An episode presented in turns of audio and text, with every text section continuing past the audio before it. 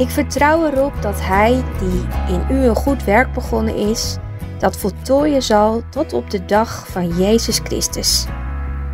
Broers en zussen, het zijn woorden uit Filippenzen 1 vers 6.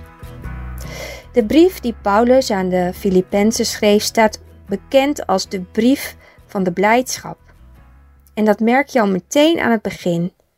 Waar staat: Ik dank mijn God telkens wanneer ik aan u denk. In elk gebed van mij voor u allen bid ik altijd met blijdschap, vanwege uw gemeenschap aan het evangelie, van de eerste dag af tot nu toe. Het is prachtig, hè, als je zo kunt danken voor het geloof van je broers en zussen. Wat zou het heerlijk zijn wanneer we ook zo blij kunnen zijn wanneer onze broers en zussen Christus dienen. Hoe zijn de Filippenzen eigenlijk aan hun geloof gekomen? Zowel in Efeze 2 als in Filippenzen 2 geeft Paulus aan hoe je gelovig wordt. Aan de christenen in Efeze schrijft hij: Want uit genade bent u zalig geworden, door het geloof, en dat niet uit u, nee, het is een gave van God. En Paulus zegt tegen de gemeente in Filippi het volgende: Want het is God die in u werkt, zowel het willen als het werken, naar zijn behagen. Kortom, broers en zussen, God geeft geloof uit genade. Door zijn Heilige Geest plantte Hij geloof in jouw hart. En weet je, daar mag je blij om zijn en dankbaar voor zijn.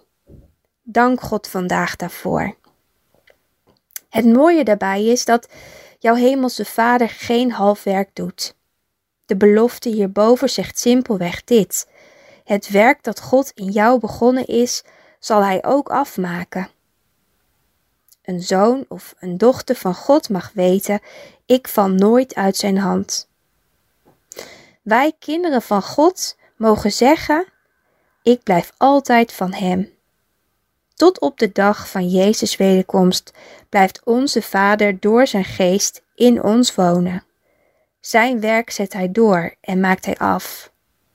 Lang voordat Paulus leefde, zong David daar al over. Hoe mooi zou het zijn als wij vandaag ook dat lied op onze mond nemen. Het staat in Psalm 138, vers 8.